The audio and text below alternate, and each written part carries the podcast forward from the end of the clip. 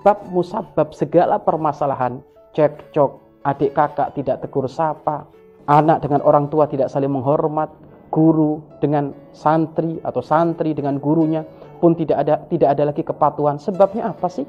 Pedagang dengan pedagang tidak akur, ustadz dengan ustadz tidak akur, petani dengan petani tidak akur. Bahkan banyak hal tersebut menjadikan sebab perpecahan umat. Lah sebab musabab dari itu semuanya apa? Ternyata sebab musabab itu semuanya adalah kembali kepada sabda baginda Nabi Muhammad SAW yaitu baginda pernah bersabda hubbud dunya ra'su kulli khati'atin bahwasanya cinta dunia itu awal dari segala masalah Pokok segala masalah adalah cinta dunia.